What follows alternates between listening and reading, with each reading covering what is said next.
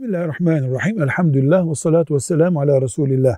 Peygamber sallallahu aleyhi ve sellemin 23 yıllık peygamberlik e, döneminde e, bir toplu bakışla planlama kabiliyetini, e, hayatı, coğrafyayı, insanı planlama, projelendirme kabiliyetini belli noktalarda tespit etmemiz mümkündür. Mesela ashabının Allah onlardan razı olsun 13 yıl hatta ilk yılı da Medine'de katarsak 14 yıl süren ezilmişlik, itilmişliğine karşı yaptığı planlamalar dünya hakimiyetinde gözü olan bir nesil ortaya çıkarmasını sağladı.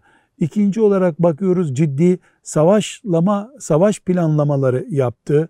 Savaş taktikleri geliştirdi. Savaş meclisleri kurdu. O meclislerde yöneticilik yaptı. Bu bir planlamaydı.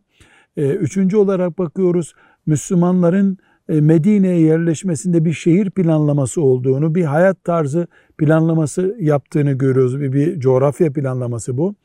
Dördüncü olarak bakıyoruz e, yaşadığı şehri, kurduğu devleti kuşatan kabileler, e, küçük kasabalar, devletçikler, devletlerle ilgili planlamaları oldu. Orta vadeli, uzun vadeli planlamalar yaptı.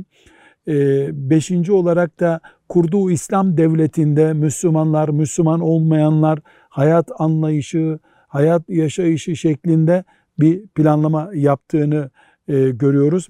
E, ve e, en önemli Peygamber sallallahu aleyhi ve sellemin planlayıcı e, zihniyetin sahibi bir peygamber olarak sallallahu aleyhi ve sellemin getirdiği din olan İslam'a karşı duracak batıl, küfür, şirk ne varsa e, sistemlerin varlığına karşı İslam planlaması diyebileceğimiz yani dinler arası e, varlıkta İslam'ın en üstün olmasını gerektirecek planlamalar, planlamalar yaptığını görüyoruz. Şüphesiz bunların tamamı Allahu Teala'nın vahyiyle oldu. Allahu Teala'nın ona e, vahyetmesi, ilham etmesiyle oldu. Ayrı bir mesele.